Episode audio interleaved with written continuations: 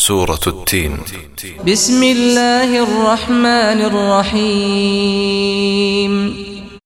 dengan menyebut nama Allah yang Maha Pemurah lagi Maha Penyayang.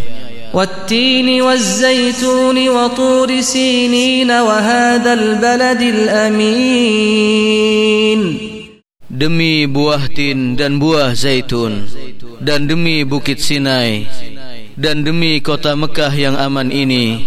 Laqad khalaqnal insana fi ahsani taqwim. Sesungguhnya kami telah menciptakan manusia dalam bentuk yang sebaik-baiknya. Thumma radadnahu asfala safilin. Kemudian kami kembalikan dia ke tempat yang serendah-rendahnya yaitu neraka.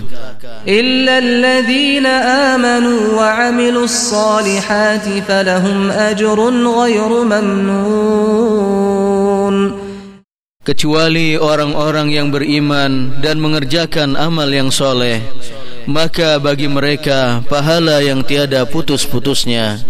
فما يكذبك بعد بالدين Maka apakah yang menyebabkan kamu mendustakan hari pembalasan sesudah adanya keterangan-keterangan itu?